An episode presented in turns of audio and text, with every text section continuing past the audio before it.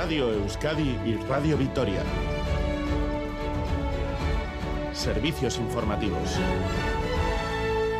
Son las 10 de la noche. Gabón, Bruselas quiere que los estados regresen al control sobre el déficit y recomienda que se empiecen a desmontar las ayudas públicas desplegadas a raíz de la pandemia y de la guerra en Ucrania. En el caso español, la Comisión quiere que se destine ese ahorro a reducir el desajuste de las cuentas públicas. El economista y profesor de la Deusto Business School, Massimo Cermeli, se ha referido a esta decisión en Gambara de Radio Euskadi. Considera Cermeli que vienen recortes. Significa que las políticas sociales que hemos tenido desde el 2020 debido al COVID, pues irán desapareciendo para estabilizar las cuentas públicas. Es decir, de alguna forma, vamos a decir que vamos a, dejar de hablar de inflación probablemente en los próximos años y empezaremos a volver a hablar de deuda pública y de déficit, de recortes. Bueno, no de austeridad, pero seguramente de recortes.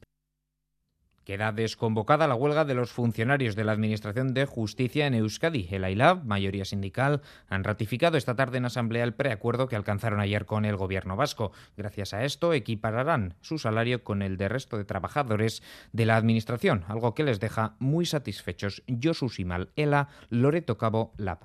Los trabajadores de la Administración de Justicia van a cobrar eh, las mismas tablas que cobran los que están en la Administración General de la Comunidad Autónoma Vasca. Supone una subida de un 13%. Pues es un acuerdo que era impensable, o sea, nadie pensábamos que íbamos a llegar a este acuerdo. Ha sido a base de pelea y pelea y pelea. Con esto, digamos que la inmensa mayoría del colectivo está contento.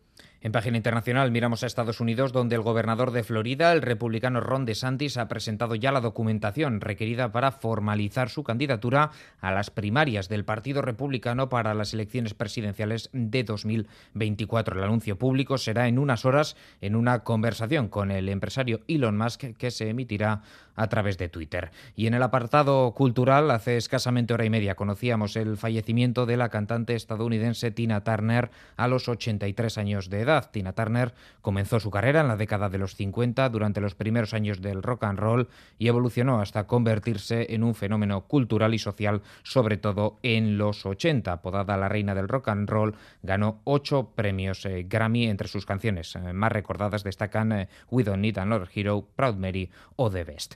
Y para cerrar este avance informativo, echamos un vistazo a la actualidad deportiva con partido en juego para Basconia. Edu García, Egunon. Gabón. Así es, Gabón, el partido que está jugándose en Girona, último de la temporada regular para Basconia ante el conjunto catalán. Si gana el equipo de Peñarroya, será segundo al acabar esta fase de la liga. Raúl Pando, ¿cómo están las cosas? Cuéntanos. Gabón Edu sigue por delante en el marcador el Basconia, lo ha estado desde el principio del partido. 12 puntos para Thompson, máximo anotador en el conjunto Gasteiztarra. 5.50 para la conclusión del tercer cuarto en Fontallao. 59 Girona, 64 Basconia. Y también se le ha hecho de noche rápido al Athletic en la semifinal de la Copa de la Reina Femenina. Pierde 3-0 al descanso ante el Real Madrid. Goles de Caroline Bayer, Toletti y Atenea. Además, el Villarreal le ha ganado 2-0 al Cádiz con lo cual la Real todavía no es equipo de Champions. Habrá que esperar, esperemos que lo logren.